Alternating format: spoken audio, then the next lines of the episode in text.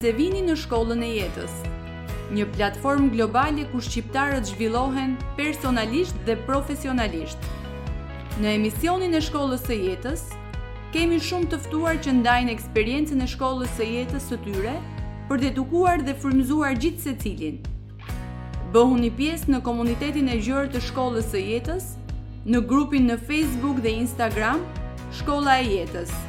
Elona Lopari. Shërbimet që ofrohen janë programe individuale dhe në grup për zhvillimin e suksesit, karrierës, biznesit, shëndetit mendor dhe mundësi partnershipi me kompaninë globale Arbon. Përshëndetje, përshëndetje gjithë komuniteti i shkollës së jetës. Përsëri së bashku me një të ftuar tjetër. Uh, jam shumë e nderuar që kam sot në fakt Anila Kalleshin, e di që ajo është shumë e mirënjohur për publikun shqiptar, që i tha po ftesës për të qenë pjesë e emisionit podcast të shkollës së jetës dhe për ta le të themi për të bërë një bisedë shumë spontane, natyrale së bashku ndryshe për rrugëtimin e saj personal dhe profesional, por patjetër duke u ndaluar edhe tek këshillat e saj dhe te puna e përditshme që ajo bën uh, me njerëzit. Anila, unë të falenderoj shumë që gjete një kohë, e di që ti e ke agjendën të mbushur plot uh, për të bërë një bisedë së bashku këtu në emisionin e shkollës së jetës. Faleminderit shumë Elon. shumë e madhe edhe për mua, uh, që të jem përballë një profesioniste, uh, një vajzë që ka investuar shumë uh, në në karrierën e saj profesioniste, por natyrisht edhe ka uh, pasur shumë personazhe të të ftuar në podcastin e saj, kështu që jam shumë e lumtur. Unë të falenderoj ty, unë mendoj që njerëzit me vlera humane dhe profesionistë në fushën e tyre na duhen sepse njerëzit kanë nevojë për çdo gjë, kështu që mendoj që kur qëllimi është i pastër dhe dikush gjithmonë investon tek ajo gjë që di ose nga eksperienca jetësore, qoftë personale ose profesionale, pastaj detyra tjetër është ta ndajmë me njerëzit edhe të kontribuojmë dhe të ndihmojmë. Kështu që jam shumë shumë e lumtur unë që të kam ty. Atëherë Anila, unë do doja që ti të na le të themi disa nga momentet më të rëndësishme që kanë çuar të kanë çuar ty në këtë pikë që je sot edhe në punën që ti bën. nëse mund ta përmbledhësh le të themi rrugëtimin tënd në disa pika të rëndësishme ose ato uh, momente që kanë pasur më, impakt më të lartë, që të kanë çuar ty te kjo te ky rrugëtim ose te kjo punë që bën me kaq shumë pasion dhe me kaq shumë zell sot. Elona, unë kam një background, uh, vi nga një familje shumë e njohur në qytetin e Shkodrës. Kam lindur në qytetin e Shkodrës, në qytetin e në djepin e kulturës shqiptare. Dhe për të thënë edhe më ekzaktësisht jam rritur në dyert e teatrit Migjeni. Mamaja ime ka qenë një profesioniste e teatrit Migjeni, ndërsa babai im është nderi i kombit Faruk Kalleshi, peshngritës shumë i njohur me rezultate të shkëlqyera dhe gjithmonë në familjen time kam qenë e rrethuar nga rezultate dhe arritje shumë të mëdha të dy prindërve të mi. Ë uh, natyrisht kam qenë shumë krenare, por uh, si fëmijë, duke u rritur në në një frymë të tillë, frymë sportistësh, njerëzish shumë të njohur, ë uh, edhe un pretendoja të Pse jo ndoshta të merrja diçka nga nga profesioni i tyre. Por ata kanë qenë shumë strikt me mua. Ë nuk e di se ku un çaloja dhe nuk isha ajo vajza që do merrja profesionin e tyre. Ë duke qenë lider në profesionin e tyre, ë gjithmonë ë mendonin që ne të dy si un si vllai nuk do ishim të zotët që ë të ishim aq të mirë sa ç'ishin ata. Dhe ë na zhvilluan në një krah tjetër. Menduan që shkollimi do të ishte baza për të arritur për të pasur ca, le të themi, ca themele shumë të forta në jetën tonë. Kështu që na shmangën nga sporti dhe nga teatri Migjeni. ku mamaja ime punonte. Ë uh, gjatë shkollimit natyrisht kam mbaruar në shkollat, kam qenë në shkollat më të mira të qytetit, në ato shkolla të cilat në shkollat të cilat kishin rezultate shumë të larta dhe shumë të mira, njiheshin pra si gjimnazet më të mira apo uh, shkolla tetëvjeçare më e mira e qytetit të Shkodrës. Dhe uh, prindrit e thashë më parë kanë qenë shumë kërkues. Në fakt babi ishte pak më indiferent, ishte me këtë gjithmonë që nëse di ti do të bëhesh dikushi, nuk do kesh mbështetjen time për asgjë. Domethënë nuk do marrësh nga emri im, nuk do kesh mbështetjen time dhe do ecësh vet. Unë kam ecur vet në jetën time, kështu që edhe ti do ecësh vet nëse do. Ë, uh, ndërsa mamaja ka qenë shumë strikte, me ato presionet alla shqiptarçe të asaj kohe që mëso se nëse nuk do mësosh do kesh këtë gjë apo kam qenë shumë shumë e mbyllur ndoshta dhe uh, kanë qenë shumë kërkues. Mamaja ka qenë shumë kërkuese tek unë. Uh, menjëherë pas uh, gjimnazit, në shkollën në shkollë u eksperimentua për herë të parë mesatarja e ponderuar e 4 viteve. Pra ishte edhe mesatarja e 4 viteve që ishte për herë të parë gjë që ndodhte në në shkollën tonë, por ishte edhe e ponderuar ndërmjet shkencave apo uh, lëndëve shoqërore. Uh, si një vajzë që vdisja pas uh, matematikës, fizikës, shkencave eksakte, vendosa që të studioja për ekonomi financë. Dhe fakulteti im i parë është mm. ekonomi financë. Kam mbaruar në Universitetin e Tiranës në vitet uh, 90-94, uh, por uh, ishte diçka që mua më pëlqente uh, puna me orë të tëra në zyrë, por uh, nuk është se e gjeja veten ekzaktësisht në në këtë gjë. Ë uh, unë nuk e di në çfarë viti uh, ke emigruar jashtë, por doja të thoja që vitet 90, 95 deri në 97, 98 kanë qenë shumë të vështira për Shqipërinë.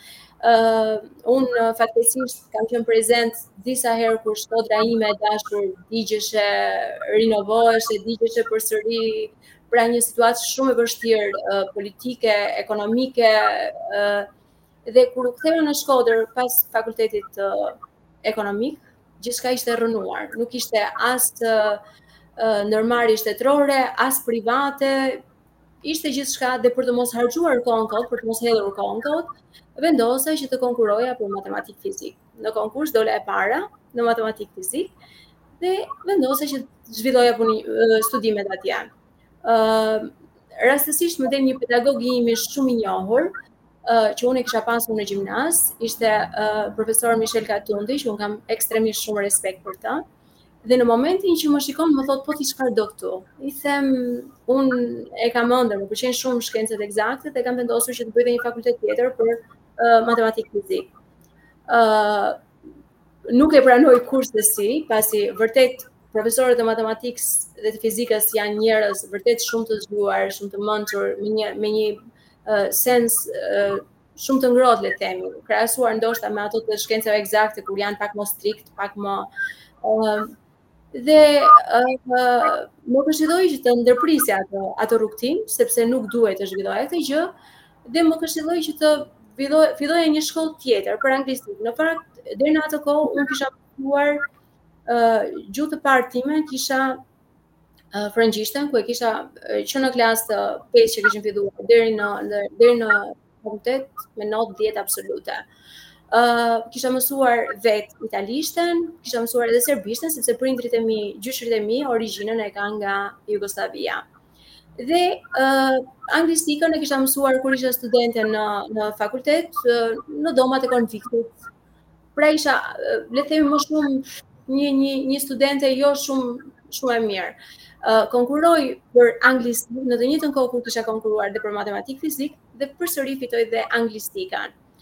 Bëj vetëm një vit, por uh, na del një moment që në situata shumë e vështirë në Shkodër, pra gjithçka ishte rrënuar, ishte prishur dhe natyrisht unë kisha provuar jetën në Tiranë, vendosim që të kthehemi në Tiranë. Rikthehem në Tiranë, por nuk arrita të bëj transferimin e fakultetit.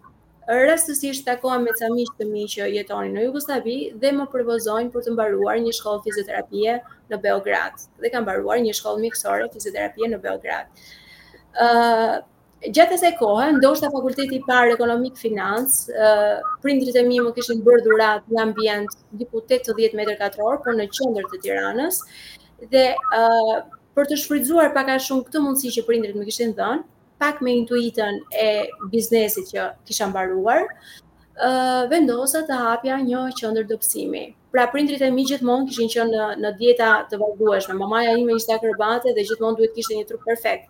Uh, babai im uh, kishte uh, ishte peshëngritës dhe gjithmonë futeshe në dieta ekstreme dhe unë e mbaj mend kur nuk mund të konsumonte ndoshta asnjëri nga ne asnjë gotë ujë më tepër që të mos shtonte peshë, që i duhet i duhet të humbiste peshë brenda një kohe shumë të shkurtër.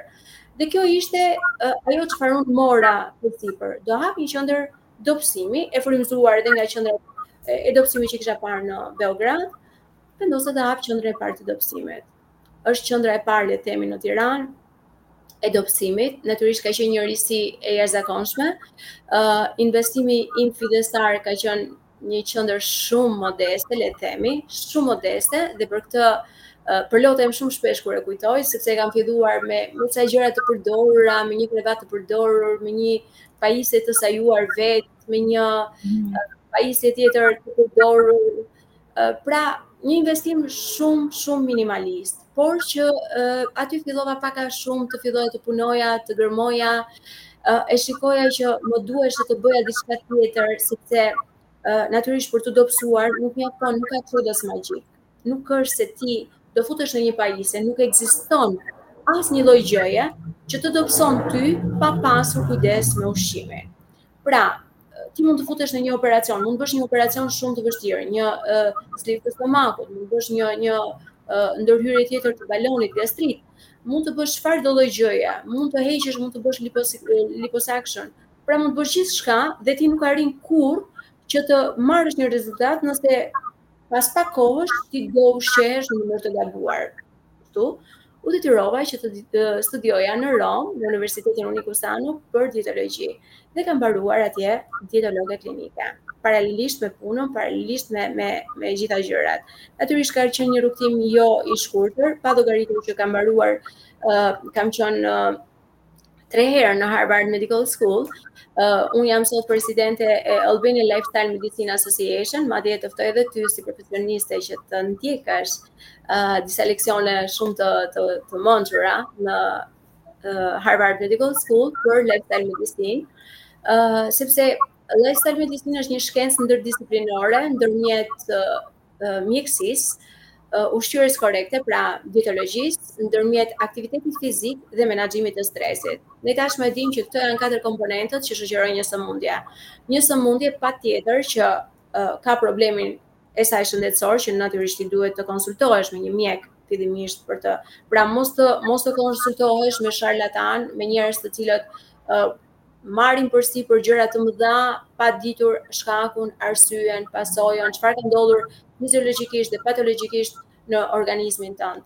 Ë uh, natyrisht Anila do të të ndaloj pak këtu sepse do të marr shumë këshilla nga ty, më vjen shumë mirë që ti uh, se po të dëgjoja shumë qëllimisht që uh, për gjithë rrugëtimin e jetës tënde qoftë pjesës personale dhe profesionale dhe të përgëzoj patjetër për çdo gjë dhe për forcën që ke gjithmonë treguar Dhe kjo ishte do të ishte në fakt pyetja ime e parë për ty Anila, si ka qenë le të themi pritshmëritë që janë uh, projektuar tek ty shumë uh, herët nga prindërit e tu, uh, mendon që të ka bën të kanë bërë mirë që ti të eksplorosh pjesën profesionale apo dhe pjesën akademike, apo kanë pasur dhe disa nga efektet anësore në bazë të pjesës personale që ti e ndjen, sepse unë e e, e shoh përditë edhe në punën time edhe me le të themi dhe me rrugëtimin tim personal që shpeshherë pritshmëritë le të themi të shumta na bëjnë ne të ndjehemi sikur nuk jemi mjaftueshëm ashtu siç jemi dhe kemi disa le të themi konflikte të brendshme që lindin dhe nëse nuk i zgjidhim ato gjatë rrugëtimit tonë, pastaj kjo ne mund të shkojmë ose mund të arrijmë, kemi shumë arritje të të mira në pjesën e jashtme, por mund të mos të ndjehemi të lumtur ose të përmbushur nga brenda. Si ka qenë kjo eksperienca jote? Më trego pak. Dëgjo Elona, ë uh, domethënë duke duke u rritur me me prindër shumë të suksesshëm, shumë të suksesshëm. ë uh, fillimisht ka qenë një periudhë që unë e vuaja shumë, ë uh, atë që prindërit e mi po më frenonin në gjërat që unë pretendoja në atë moshë që mund t'i arrija. Unë shikoja mamaja ime kishte disa vajza akrobate të cilat uh, i trajnonte vetë dhe isha shumë xheloze që ajo nuk bënte të njëjtën gjë me mua.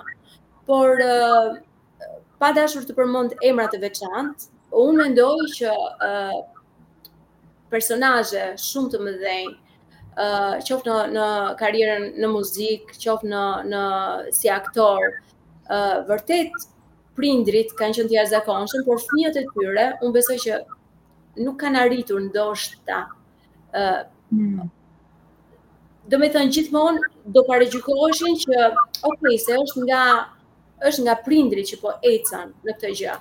Po. Dhe me këtë që nuk do. Gjithë të lidhjet me prindrit e tyre dhe pastaj fillojnë edhe sjelljet e tjera që mundohen që të përmbushin veten e tyre në mënyra dhe negative. Po. Dhe më jepin një dhe fakte reale, faktikisht dhe emra shumë të njohur edhe në Shqipëri, ka fëmijët e artistëve shumë të mëdhenj në fakt janë bërë artistë, por jo artistë si prindrit e tyre. Kjo ishte ajo që këto më pengonin gjithmonë, dhe më thonin ti, ok, ti mund të ecësh, por nuk do bëhesh kurrë si ne. Kjo më vriste shumë dhe uh, kam marrë pak nga egoja e babait tim. Uh, dhe uh, gjithmonë isha nisur që unë do bëhem dikushi. Dhe në performancët e mia televizive kam pas shumë debate me babain tim, se më thoshte mua ti dole në televizor dhe nuk the që ti je e bija e filanit.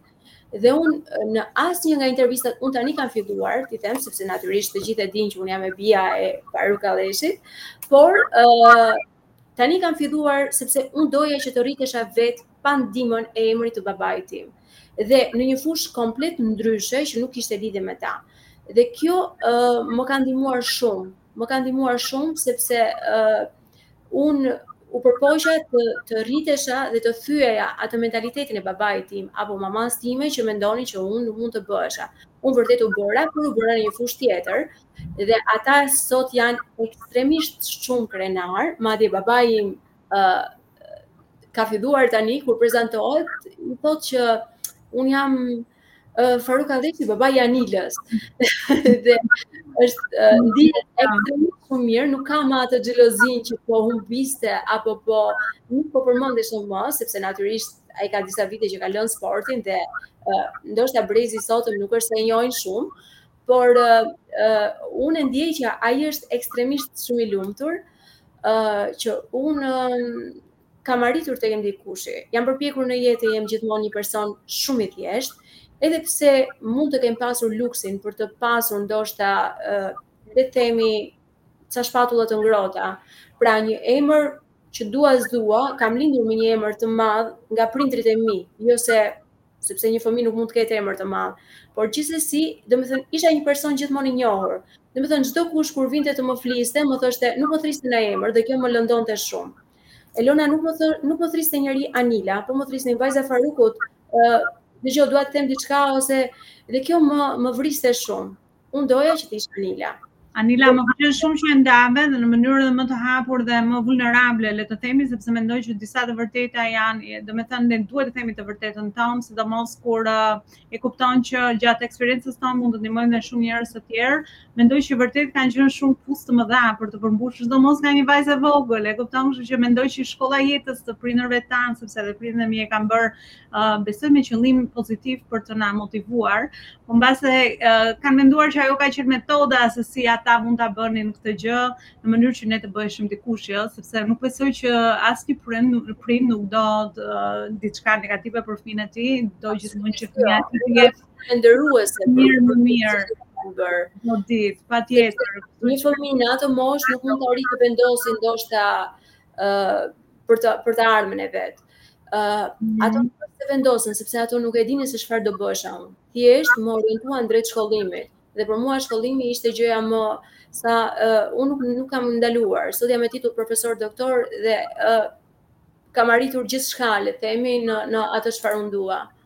Po, të ka ndihmuar patjetër dhe të ka bërë dhe më ambicioze dhe për të eksploruar veten tënde edhe në dimensione të tjera. Është patjetër një gjë shumë shumë pozitive dhe mendoj që sot që kemi më shumë informacion për pjesën inkurajuese të çdo prindi është është mirë që domethënë të inkurajojmë njerëzit ose uh, fëmijët tanë për atë autenticitetin që ata kanë, sepse ne jemi të gjithë ndryshe, jo të gjithë mund të jemi në të njëjtin profesion, ose mund të kemi dhurata të tjera që na ka dhënë Zoti, dhe gjithë rrugëtimi i jetës pastaj është në eksplorim dhe në testim e sipër, kështu që mendoj që patjetër ka edhe pjesën pozitive, por e kam parë edhe efektin anësor të kësaj gjëje, prandaj doja ta përmendja, meqë shumë natyralisht erdhi dhe nga rrëfimi jot i, i pjesës i rrugëtimit tënd personal dhe profesional.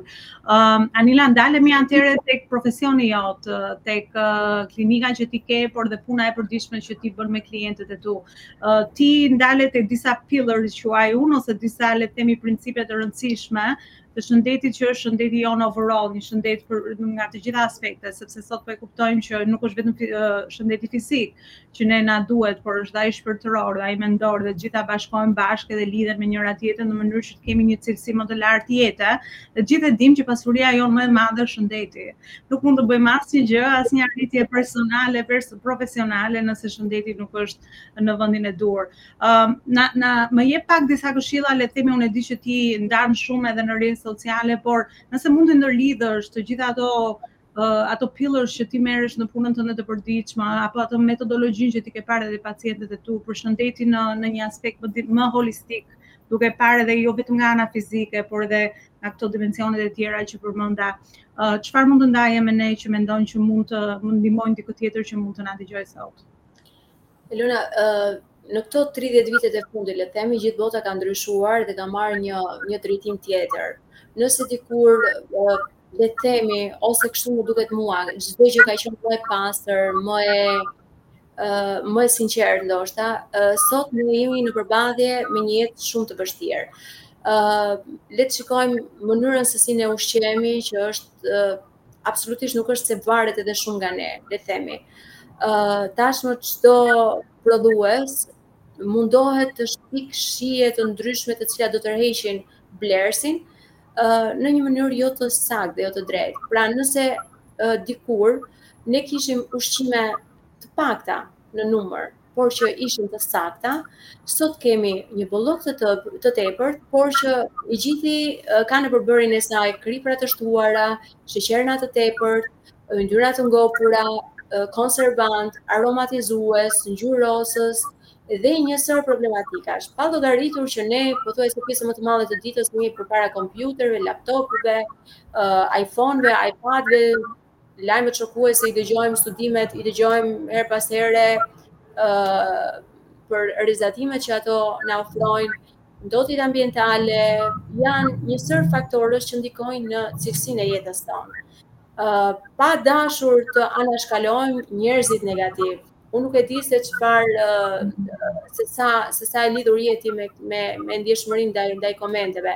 Unë për shembull, nëse do të më të më godasësh dhe të më ngacmosh, ë është një koment, le të themi, ndoshta mund të jetë shumë shumë banal, shumë shumë i lehtë ndoshta për dikë, uh, por mjafton të dalë dikush e të thotë po si u bënë këto të dyja të bëjnë një podcast. Vetëm kjo mua shpirtërisht më vret shumë. Pra jam një person shumë i ndjeshëm, edhe pse dukem kështu e fortë, dukem e kompletuar, e realizuar dhe kam luftuar shumë në jetë për të qenë kjo Anila që jam, jam një natyrë shumë e ndjeshme dhe ndjek përpiqem të por përpiqem këtë ndjeshmëri ë uh, mos ta mos ta mbaj brenda në shpirtin tim. Pra në momentin që unë shikoj një koment negativ, direkt atij personit pa i kthyer, pa i bërë replik, pa i zgjatur muhabetin, i jap një bllok dhe e kam gjetur shumë thjesht. Edhe në jetën time të përditshme, në përditshmërinë time, pavarësisht se kjo jo gjithmonë është e realizueshme, përpiqem të mbaj njerëz afër vetes njerëz pozitiv që dhurojnë vetëm dashuri, mirësi, ë uh, njerëz që nuk janë egoist, njerëz që nuk uh, nuk të shikojnë për të profituar në mënyrë le të themi vulgare. Pra përpiqem të zgjedh njerëzit që më rrethojnë. ë uh, fal shumë dashuri, dhuroj shumë dashuri, por edhe dua që këtë dashuri ta marr mbrapsht, edhe ta uh, ta përçoj në në në shpirtin tim. Dhe këtë do i këshilloja gjithë njerëzve. Mbani njerëz pozitivë afër, njerëz që ju dhurojnë mirësi, që ju dhurojnë uh, pozitivitet dhe dashuri dhe në këtë mënyrë ju do keni uh, do keni më pak stres, më pak vuajtje, më pak probleme, më pak çrregullime. Uh, shikoj tek njerëzit në këtë kohë, uh, pra në këto 30 vite pra gjithë këto faktorë bënë që të ndryshonin format trupore, uh, të ndryshonin uh, mënyra se si se si njerëzit ë uh, po e shikonin veten e tyre mbrapa. Dhe ë uh, në këtë gjë, natyrisht nuk është faji i askujt. ë uh, le të themi, domethënë, unë njerëzit nuk është se se i i fajësoj shumë për uh, për peshën, le të themi, ose për gjendjen shëndetësore, sepse tashmë fajtorët fajtorët në këtë botë uh, janë të deklaruar dhe dihen, pra janë gjithë blegtorët që abuzojnë me ushqimin, me mishin me hormone, me produktet produktet e bulmetit, të cilat janë të tmerrshme le të themi të prodhuara, të gjithë industrialistët që prodhojnë produkte ushqimore absolutisht të dëmshme për, për organizmin, sepse mendoj se në një anë është bërë shumë, është bërë një proces, një evolucion shumë i madh ndoshta në fushën e dietologjisë dhe natyrisht këshillat janë të vazhdueshme herë pas here nga nga nga persona të ndryshëm, profesionistë të jashtëzakonshëm, të cilët japin vazhdimisht këshilla për mënyrën se si duhet të ushqehen shëndetshëm. Por ne flasim për ushqyerje të shëndetshme, por sa të shëndetshme janë ushqimet që ne konsumojmë? Pra ne flasim për vlerat ushqyese të domates, të specit, të spinaqit, të karotës, të të gjitha produkteve, po sa të shëndetshme janë ato, sa hormone, sa pesticide përdoren për të rritur këto produkte. Dhe Këtu pastaj dorëzohemi dhe themi që në fund fare kjo është jeta.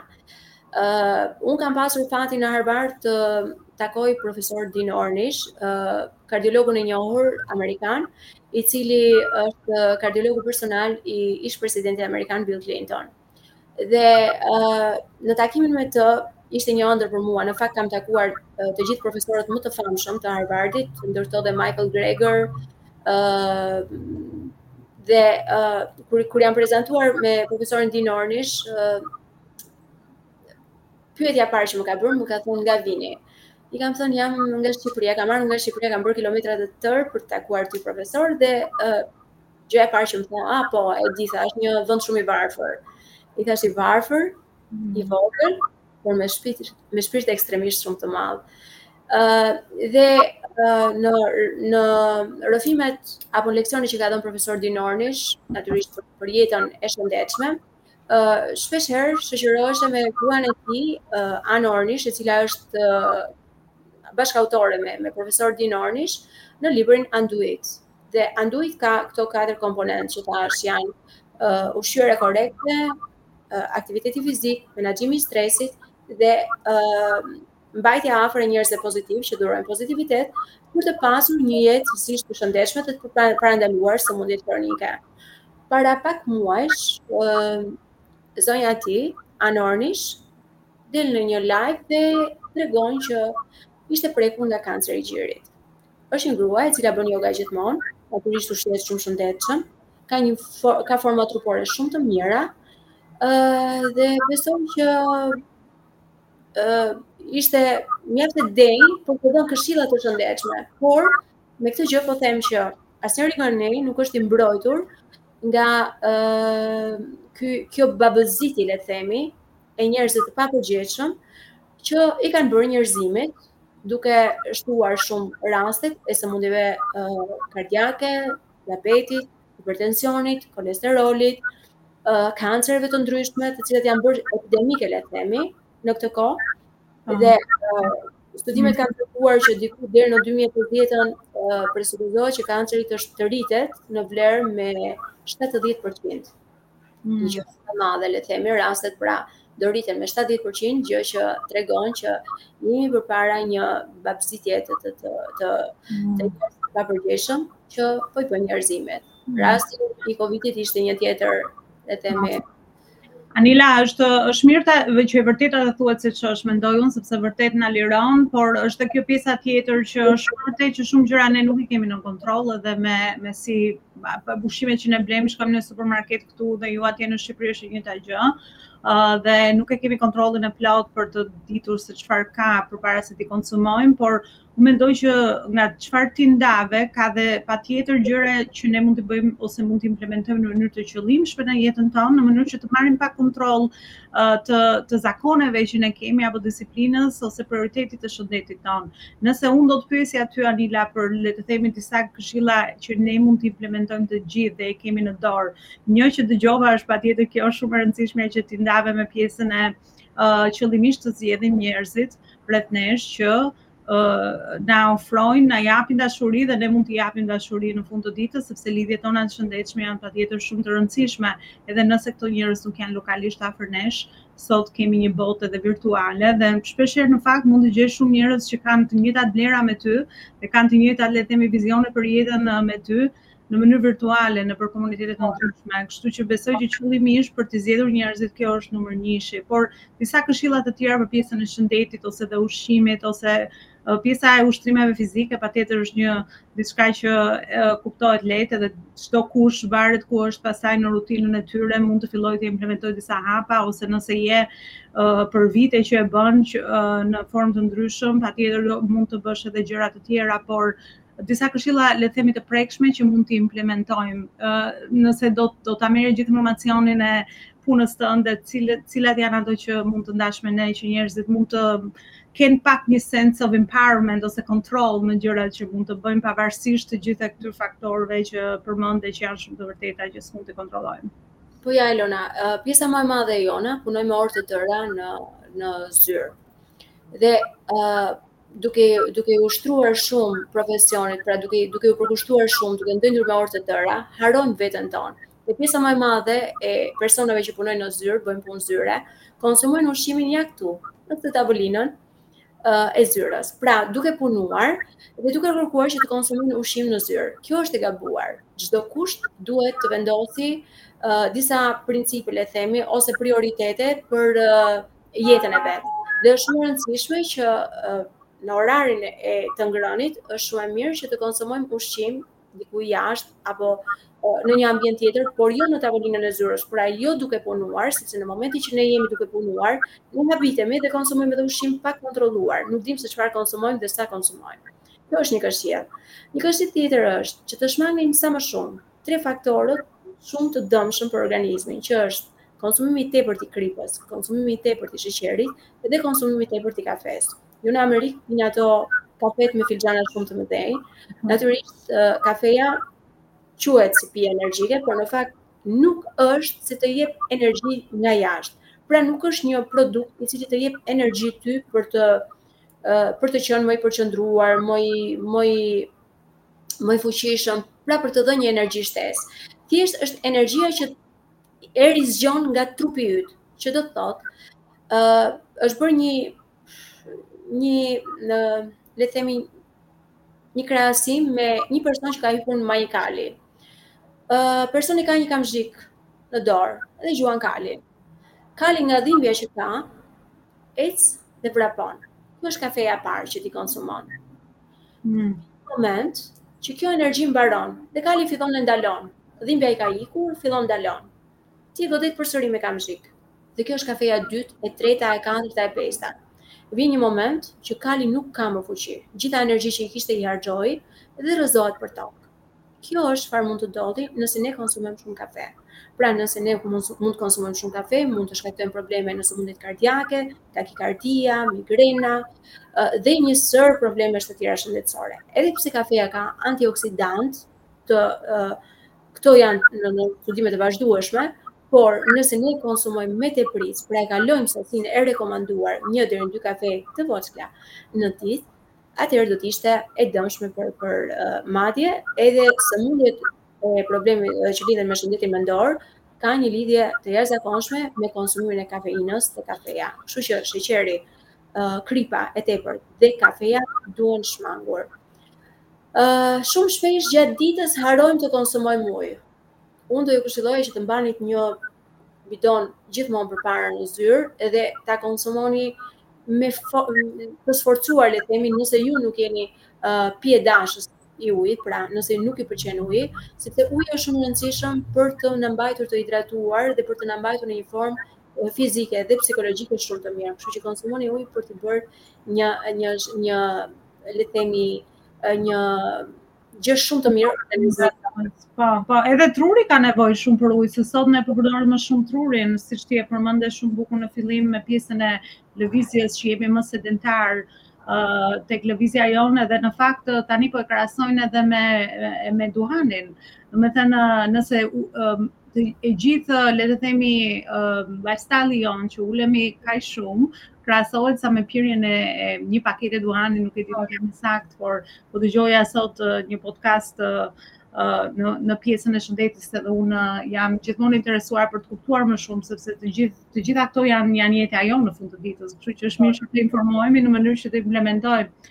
Kështu që është e vërtetë që edhe truri jonë sot, se të gjithë po përdorim më shumë tru me pjesën e teknologjisë, ka nevojë shumë për ujë, në mënyrë që të punojë, të jetë kreativ dhe të të kesh atë energjinë mendore dhe fizike që kërkon. Ëh shumë e vërtetë. Në një këshillë tjetër të fundit këto janë të gjitha shumë praktike dhe besoj që secili që e dëgjon mund të fillojë të implementojë dhe të bëjë një ndërgjegjësim që ku jam, ku s'jam dhe çfarë mund të bëj. Shumë e rëndësishme është këta persona që konsumonin drekën vetëm në tavolinën e punës, shkojnë dhe konsumojnë një darkë shumë të vonshme në shtëpi, ose vazhdojnë të punojnë apo merren me një diçka tjetër dhe konsumojnë një darkë shumë të vonshme diku në ora 11-12 të natës. Edhe kjo është e gabuar sepse kjo do të ndikonte shumë në problemet me tretjen, por gjithashtu edhe në cilësinë e gjumit tonë, sepse gjumi është shumë i rëndësishëm për të pasur një jetë shumë të shëndetshme. duhet të të flemë diku 6 deri në 8 orë dhe natyrisht sa më herët flejmë, më herët zgjohemi dhe kjo do të ishte një benefit shumë i mirë për organizmin tonë. Ëh, mm. uh, pa harruar aktivitetin fizik dhe lëvizje gjatë ditës. Në zyrë ne jemi të mbyllur. Edhe kur bie telefoni, uh, jemi uh, në vend, nuk lëvizim. Është shumë e rëndësishme në në zyrë këtu brenda,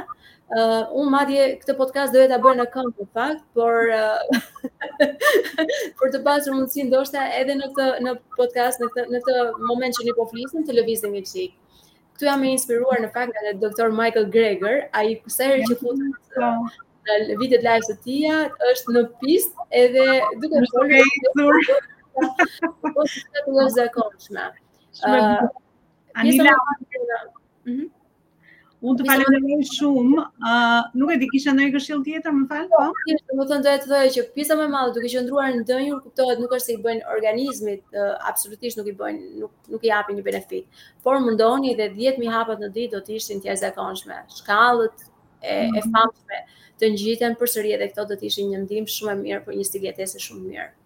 Shumë e vërtetë, duhet të jemi qëllimshëm. Nëse ia lëmë, ku di unë kush do ta bëjë, nuk bëhet asnjëherë. Duhet të jemi qëllimshëm ato zakonet e vogla në mënyrë që të fillojë të bëhet një muscle memory dhe ta bëjmë më natyralisht, pastaj të bëhemi dhe të programohemi në mënyrë të mirë dhe në pjesën e shëndetit. Anila, unë të falenderoj për çdo këshillë dhe për gjithë rrëfimin tënd shumë natyral dhe spontan sot. Uh, do doja që ta linim le të themi këtë episod ose ta mbyllim me mesazh të fundit le të themi për impaktin e punës që ti uh, ose qëllimin e jetës që ti vërtet pasionin pas punës tënde, qëllimin që ti ke për të ndihmuar sa më shumë njerëz me me le të themi gjërat që ti ke mësuar. Cili është ky impakt që ti ke për 2024-ën dhe ku mund të gjejnë njerëzit më shumë informacione? Unë e di që ti je shumë aktive në rrjetet sociale, ku mund të gjejnë mbase ndonjë burim falas në mënyrë që dhe ato të të kuptojnë pak më mirë rreth të gjithë punës që ti bën edhe vlerës që ti shton me këtë punë që bën dhe profesionin që ke. Elona, pas uh, faqes sime në Facebook me 600 mijë vetë, por gjithashtu në Instagram, është vetëm Anila. Pra çdo këshillë që aty hidhet është nga Anila.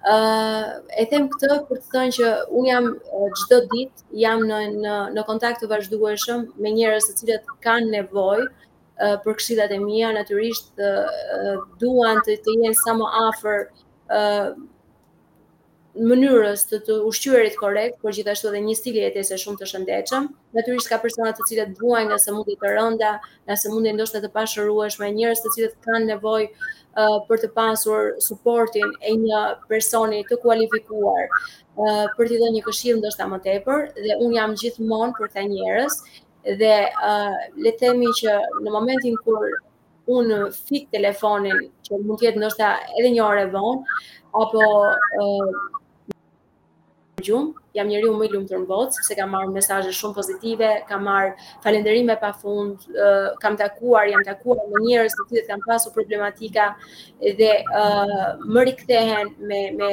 një suport të jashtëzakonshëm le themi, nuk është e rëndësishme vlera monetare për mua se sa ajo shpirtërore, ajo çfarë unë ndiej në momentin kur kam qenë frytdhënëse për dikë, mbase i kam shpëtuar edhe jetën, mbase edhe i kam ndihmuar të superojë një sëmundje me të cilën është përballur për vite vite të tëra. Dhe kjo është, le të themi, satisfaksioni dhe kënaqësia më e madhe e një profesionisti të shëndetit. ë uh, Para ca kohësh më ka ardhur një zonjë nga Greqia dhe uh, më ka marr në momentin kur ajo kishte bërë analizat vuante 25 vite me insuficiencë renale. Dhe uh, më merr një më vjen një mesazh dhe më thotë zonja Anila, unë nuk di si të të falenderoj sepse uh, doktori mjeku uh, mjeku Grek, më ka thënë që me ty ka ndodhur thagma. Thagma është një mrekulli e Zotit, uh, sepse mhm. analizat e saj pas 25 vitesh kurimesh që bënte, i kanë ndryshuar dhe uh, sot ajo nuk ka më insuficiencë renale dhe unë për këtë jam shumë e lumtur. Uh, sepse kam marrë kam marr bekimin e këtyre njerëzve të cilët vërtet kanë pasur nevojë për mua dhe ja kanë dalë. Mm. Unë mendoj se nëse ti përkushtohesh në një punë, patjetër që benefitet dhe rezultatet e kësaj pune do të shpërblehen dikur. Anila, është shumë e bukur kjo që the dhe është impakti i punës që të gjithë e, e duam ta ndiejmë dhe është ajo që patjetër shkon përtej vlerës monetare, paraja është një mjet patjetër që duhet për të rinvestuar dhe për ndihmuar sa më shumë njerëz, por në fund të ditës është ai misioni që ti zgjedh, edhe nëse e bën çdo ditë me dëshirë, me vullnet, edhe beson atë gjë që ti bën, patjetër që edhe njerëzit që ti do të mund të ndihmosh do jenë patjetër dhe të shumtë në numër.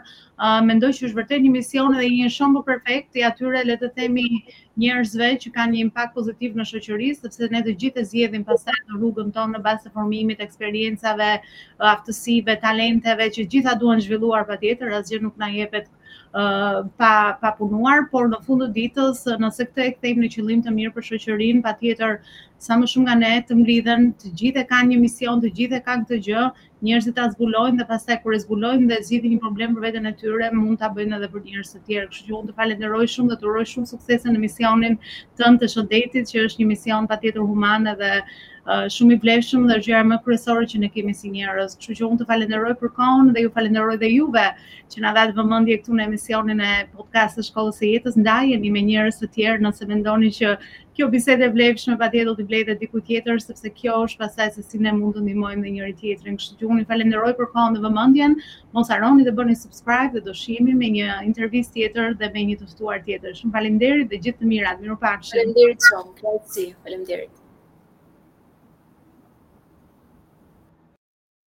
tuaj dhe ndjeni këto tre probleme kryesore në përditshmërinë tuaj të operacioneve të biznesit. E para është që nuk keni të ardhura mjaftueshme që ju vinë në biznesin tuaj. E dyta është nuk dini se si të rrisni biznesin tuaj për përtej vetes tuaj ose përtej kapacitetit që mund të keni arritur. Dhe problemi tjetër i tretë është që ju doni të uh, shkoni në tregje globale. Uh, doni të shkoni përtej tregut që ju shërbeni tashmë por nuk e dini se cili, cilat janë strategjitë ose mënyrat më të mira për ta bërë këtë.